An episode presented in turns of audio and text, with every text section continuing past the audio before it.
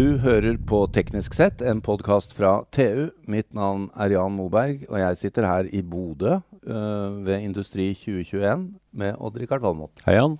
Hei, Odd-Rikard. Vi uh, tar videre. Vi, her er det mange interessante mennesker å snakke med. Ja, i høyeste grad. Vi snakker om uh, skifte på industrisiden og alt som skal bygges ut, og alt vi trenger for grønn omstilling og ny industri i Norge og alt dette. Grønt og kilowattimer og sånne stikkord, det er utbedt her. Og litt uh, materialer trenger vi òg. Og materialer, ikke ja. minst. Og da uh, Vi er jo litt, uh, må vi si og innrømme, Richard, at vi har vært litt sånn pessimister på hvordan dette skal gå. At vi skal klare disse her store målene med klima og omstilling og, ja. og alt dette.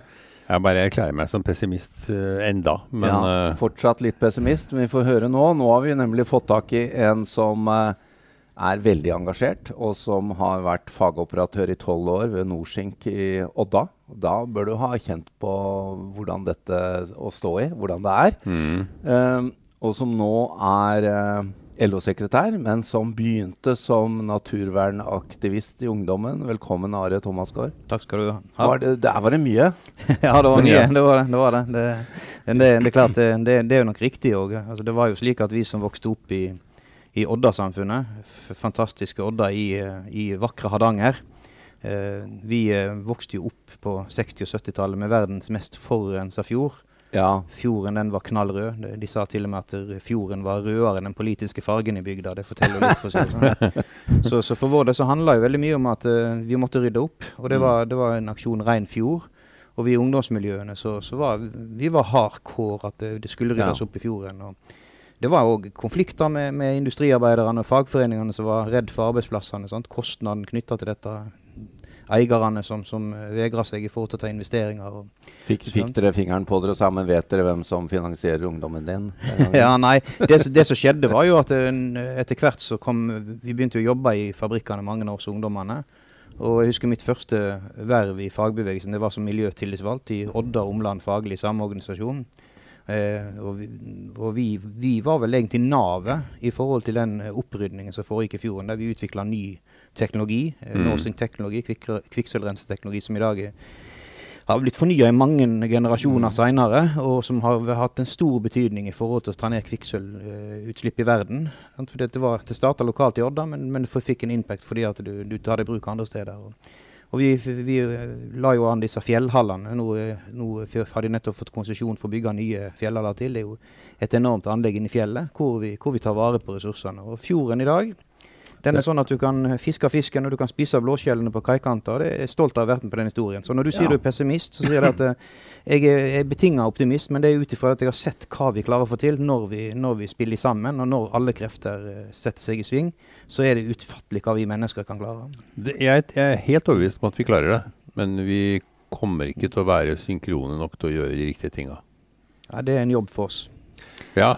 Men Are, i de tolv årene du jobbet som fagoperatør i Norsink eh, Tolv år er ganske lang tid. Det er lang nok tid til at du kanskje også da erfarte endringer? Da sto du jo midt oppi det selv og hadde arbeidsplassen din midt i industrien. Ja, det var store omstillinger. Ja. Eh, definitivt. Det var også konflikter. Det var, det var harde tak eh, mellom ledelse og ansatte. Norsink-konflikten på midten av 1990-tallet. den Første store outsourcing-saken i Norge. Det var jo også en, en sånn eh, veldig veldig tøff periode, for å si det sånn. Ja. Eh, så, så, vi har vært igjennom både oppturer og nedturer. Og så tror jeg òg det at, eh, det at en da klarer, etter at en har vært i konflikter, å finne fram til, til samarbeid, en kjenner hverandre godt inn og ut. Mm. Eh, det tror jeg òg er det som har vært på en måte en suksessfaktor fram til nå, når vi, vi den det, ja, I midten av juli fikk, be, be, fikk beskjeden om at eierne har beslutta å investere 7 milliarder kroner for oss å doble produksjonen på sinkverk i Odda. Det er den største fastlandsinvesteringen noensinne. Så, så det, det, er et miljø som er bygd opp over tid, og det er et fantastisk kompetansemiljø,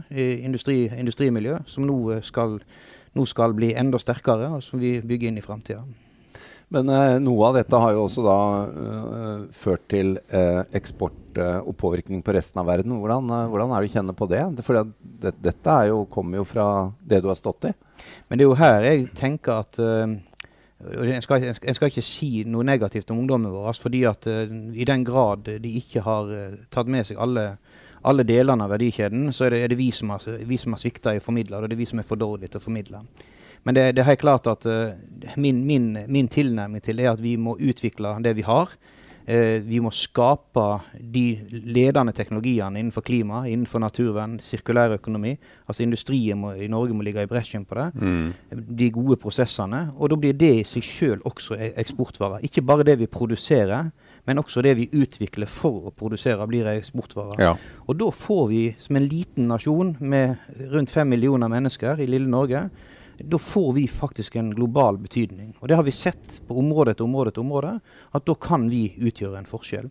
Så, så det, det, er den veien vi må gå. Men hvis vi avvikler så, så, vil vi ikke få noen ting. Da, da vil jo arbeidsplasser alt bli, bli forsvinne vekk. og Det er ikke sånn at det plutselig dukker opp noe nytt som er mye bedre bare fordi vi avvikler. Altså Vi må utvikle det vi har. Men du står med på en måte føttene litt i mineralindustrien og prosessindustrien. Uh, og du har vel sett at uh, det her grønne skiftet som kommer nå, krever andre typer mineraler? Ja, det som er en, jeg tror er en viktig kvalitet, er jo, det er jo at uh, framtida må bli såkalt sirkulær. altså det ja. sirkulærøkonomi. Så vi må bruke produktene vi har i omløp. Vi må bruke råstoffene, mineralene, materialene som er de om igjen og om igjen og om igjen. Og Da må vi også være veldig bevisst hvilke materialer er det vi sender inn i det kretsløpet. Sant? For det, det, må ha en kvalitet hvor det er resirkulerbart. Ja. Så vi må stille krav til det. Og da er det jo helt åpenbart at det er, er en del mineraler som har uovertrufne egenskaper. Både i forhold til det som går på elektrifisering, det ja. vi trenger for å gjøre alle de skyvene for, som vi, vi, skal gjøre når vi skal bygge havvind, vi skal bygge batterifabrikker, alle de tingene vi skal gjennom. da, Så må vi ha sånn som f.eks. kobber, nikkel, eh, sink, aluminium. Det, altså det, det, er mineraler som er helt avgjørende, som, som vi må ha med oss. Så, og det er jo der òg jeg tenker at vi må ha en helhetlig tankegang når det gjelder de mineralene. Sant? For det er jo, det er jo sånn en ting at vi skal sirkulere på dem, men det er langt ifra nok av disse mineralene i omløp i dag til at vi kan leve av å sirkulere på dem. Vi må produsere mer. Og da er det viktig at vi produserer det ut ifra inngrep i naturen, der inngrepene er styrt. Altså der vi har de strengeste kravene. Ja.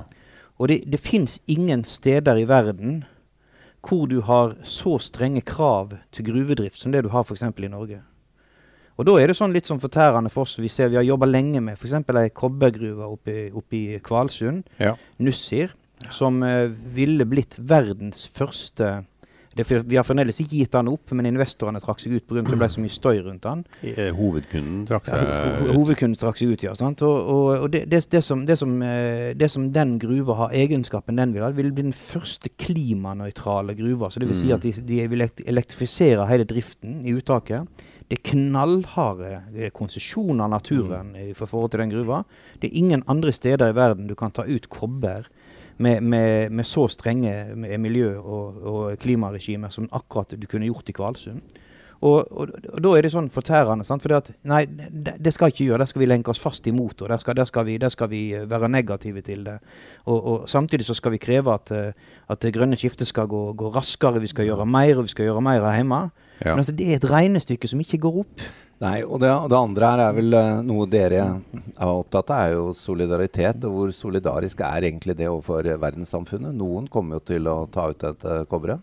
Ja, altså, no, Når det gjelder kobber, så er jo det veldig mye borti, borti Chile, Sør-Amerika. og Der har, har, du jo standarder og alt det der, så vi kunne holdt et langt foredrag om helse, miljø og sikkerhet. Og ja.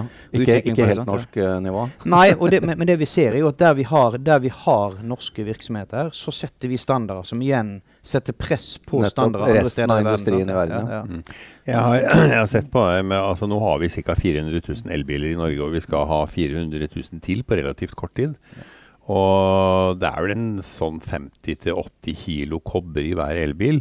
Så det er, det er over 25 000 tonn kobber i norske elbilene. Det er kanskje ikke så mange som tenker på. Nei, nei, og hvis vi skal bygge jernbane, så er jo det, ja, skal du inn med kvalitetsmetall, og du skal ha kobber i, i, i ledningsnett. Og, ja, og havvind. Vindturbiner. Det er ganske mange tonn ja. kobber i en vindturbin. Ja, så begynner en å sette seg ned og gjøre de regnestykkene, så skjønner jo alle det. Og det er jo sånn at hvis du har en sånn tilnærming til klimadebatten, nei, kobber det er bare noe vi har. Mm. Nei, det er ikke noe vi bare har. Nei, det er det er noen som det. har produsert det. Og for å si det sånn, det steder hvor det har blitt produsert, så har det vært uh, under helt uverdige betingelser. Mm. Eh, og det har vært under, under en sterk eh, ja, miljøbelastende eh, produksjonsmetodikk. Og det, det, må vi ta med oss. Men samtidig så er kobber også noe av det mest fantastiske mineralene vi har. sånn sammen med aluminium. Det er enormt resirkulerbart. Ja. Du, du, utvinner jo bare én gang? Ja, du utvinner bare én gang. Og så ja. Nær sagt alt kobber som, har vært i, som er blitt produsert i 4000 årene vi har, vi har klart oss å framstille kobber, det er fremdeles i bruk. Og Det ja. handler jo om at kobber var vel egentlig De sier at Tomra var først på panteordninga, men jeg vil si kobber var egentlig kanskje først på panteordninga. For dette var en betalingsvilje. ja. Kobber er en høy pris på. Det er sant. Og det igjen, kanskje, kobber er kanskje sånn sett det eneste som egentlig har fungert som en sånn sirkulærøkonomisk tilnærming, fordi at du har fått en pris på verdien av å, av å ha det i omløp. Ja. Men i, i, dette vi står overfor nå, da. Vi skal bygge batterifabrikker, vi skal bevare prosessindustrien og få mer av den. Og, og du nevnte Odda og, og, investeringene der inn, og vi skal ha havvind. Altså har det noen gang i din karriere vært like mange muligheter og utfordringer på en gang? Nei. Det har det ikke. Og det, det er enorme, enorme muligheter. Men det har heller aldri vært slik at behovet for å gjøre endringer har vært så stort som akkurat nå. Så, så, skal vi nå de behovene, skal vi nå eh, klimamålsettingene, Parisavtalen, det vi har forplikta oss til, så har vi ikke noe valg. Vi må endre, og vi må endre veldig mye. Altså, Kommer litt av ungdommens uh, natur-miljøkriger fram i deg nå? Ja, han gjør egentlig det. Altså det det, du kan si, du kan si sånn, De som tror at vi industriarbeidere er noen sånne som står i en skitten kjeledress på kaikanten og venter på at neste båtlast skal komme ja. inn, slik at vi kan støve enda mer, og så må slippe ut røyk og gi litt blaffen i det rundt oss, de tar feil. altså Det er ikke dagens industri. Dagens industri er kompetente industriarbeidere. Enten de har fått mm. kompetansen sin via bedriften, eller de har fått kompetansen sin fra, fra uh, utdanningsinstitusjonene rundt. Det er folk som er bosatt i distriktene som er opptatt av naturen. De er gjerne medlemmer av Jeger og Fisk, de er gjerne medlemmer av Norske Turistforening. Det er folk, folk, som, folk, som, har bosatt seg der, ikke bare fordi de jobber i industrien, men også fordi at de trives veldig godt med, med de omgivelsene. Så de er opptatt av dette. Og det, det jeg kan si, er at helse, miljø og sikkerhet, også det ytre miljøet, det står først på alle dagsordener i styrer og nær sagt i alle bedriftsorganer. Og det, det, er noe som blir diskutert, og det er noe som, som industriarbeiderne er veldig opptatt av. Pluss at de da produserer verdens reneste metaller. Så i, i den grad vi snakker om grønne arbeidsplasser i Norge, mm. så, så, snakker vi om at industrien må være noe av det grønneste vi har. Men, men, det er jo litt ironisk da når uh, nåtidens aktivister lenker seg fast til uh, elektriske anleggsmaskiner. Richard. ja, det, det, det, er litt spesielt. Nei, men, men, men jeg, jeg, jeg synes, altså, det er litt utfordrende. Sant? For jeg syns ikke vi skal le av det hele. For ungdommen har rett. Ja, Grunnleggende ja, har de rett. Ja, sant? Ja. FNs klimarapporter er entydige. Og, og, vi skal forstå ungdommene. At, er, at, de har en bekymring. Det er ikke rart de blir redde. Nei, det, Nei. det, ville vært rart hvis ikke de var det. Ja. Og det, for å si det sånn, vi, er jo, vi, er jo, vi som har levd et liv, og som kanskje ikke har så lenge å leve, vi har grunn til å være redd, vi også. Ja. Uh, I forhold til det vi ser. Sant? Du ser jo flommer, du ser det som utvikler seg, og du ser at her er det ting i bevegelse. Ja, ikke sant? Det gikk to hus på, på elva her for, for, for, noen få år siden. Og, sånn. så vi, og du opplever dette her. Det kommer nærmere og nærmere. Jeg var ordfører i Sørum kommune en, en periode. Og du med Glomma, rett, ja, glomma dundrende rett gjennom med 3000 liter per sekund Eh, med store leirefelt rundt. Vi så jo hva som skjedde i leira. Så sitter ja. du litt med hjertet i halsen. Ja, ja. og det er Kubikkmeter? Sånn, så, så, ja, ja, kubikk mener jeg. Kubikk, ja. ikke liter. Kubikk. 3000 kubikk. Det er en enormt trøkk. Sant? Det er det. Og, og, vi vet erosjon, hva, hva, hva vannet graver det jobber. Så, så, så vi, vi, skal ta det inn over. Så det at ungdommen engasjerer seg, det er faktisk en fin ting. Men det er en pådriver for oss andre òg? Ja, det er en pådriver for oss. Og de skal være en pain in the ass for oss. De skal være kompromissløse i forhold til oss. Og i den grad de ikke tar alle sammenhengene, så ser, ser alt hvordan. Eh, altså ser konsekvensene av alle tingene de gjør, så er det vi som svikter i kommunikasjonen. Mm. Det må vi gå i oss sjøl. Det også liksom, eh, liksom hudflette Greta Thunberg på sosiale medier og en eller annen, Glem det. Det kommer ikke til å komme noe godt ut av det. Greta Nei, Thunberg, hun har tvert imot vært viktig. Ja, så jeg så, fem, jeg så 500 000 ungdommer utenfor San Bernabé stadion. Eh, klimastreikende ungdommer. Og det er klart det som, når jeg gikk på hotellrommet etterpå, så tenkte jeg at eh, du 500 000, det var jo millioner av ungdommer som streiker rundt omkring i hele Europa. Og dette er jo ja, greit, det er ungdommer i dag, men det er altså småbarnsforeldre. Det er folk som, som skal ha boliger, de skal ha biler, ja. de skal ha alltid Dette er framtidas forbrukere, og de mm. kommer til å stille helt andre krav til klima, miljø og den biten i produktene. Så vi kan jo diskutere disse klimarealistene alt det her som har masse meninger, og noen mener at de vet bedre enn FNs klimapanel. alt det greit. Ja. ja vel, men for meg er det helt uinteressant på en måte, fordi at uh, Ungdommen kommer til å endre markedene. De tror på det. De kommer til å endre markedene. Og det er de markedene industrivirksomheten i hele Distrikts-Norge lever av. Det er ja. der arbeidsplassene våre står. Og hvis vi taper plassen i markedene, så har vi ikke lokalsamfunn lenger. Nei. Så enkelt er det, og så vanskelig. Ja. Er du litt mindre pessimist nå, Rikard? Nei, jeg tror Nei. Jeg, jeg, jeg, ser på de enorme mengdene fossilt brennstoff vi bruker, og det er jo ikke bare i strømnettet. Mm. Vi bruker det i industrien i veldig stor grad til sement, til ferrolegeringer, til etc., etc. Og før vi får gjort det over, gått over til hydrogen, får et rent strømnett og sånn, så er vi bokstavelig talt i deep shit. Og det kommer ikke til å skje med det første. Nei, altså du kan si til vi er i mål kommer ikke til å skje med det første. Nei. Og det er jo en transformasjon. Det er et maratonløp vi legger ut på. Ja. Så, så, så, vi må stå ut. Men vi må, vi, må, ha en strategi, så vi kommer oss gjennom løpet. Ja. Og jeg har tro på at vi skal komme i mål. Og det kan du si at når når jeg tilbake når jeg var ordfører i Søren kommune, så ga jeg det dummeste valgløftet som noen gang er blitt gitt i norgeshistorien. Jeg lovte innbyggerne i Sørum, at de, daværende Sørum, at jeg skulle løpe Oslo Maraton hvis de valgte meg. Så i 2012 så hadde jeg et helvete. Men jeg kom i mål! Jeg kom i mål! Så du skal aldri gi opp trua. Her er en mann du, er en mann du som kan flytte fjell. Jeg skal la meg inspirere. Jeg skal la meg inspirere. Ikke til maraton. Avslutningsvis, Are, må vi eh, stille deg et annet spørsmål. Du har jo vært med på litt av en reise med, fra naturvernaksjonist til fagoperatør og til Du har også vært opptatt av å lære nye ting. Og uh, du må jo fortelle litt om bakgrunnen for at du tok et BI-studium. ja.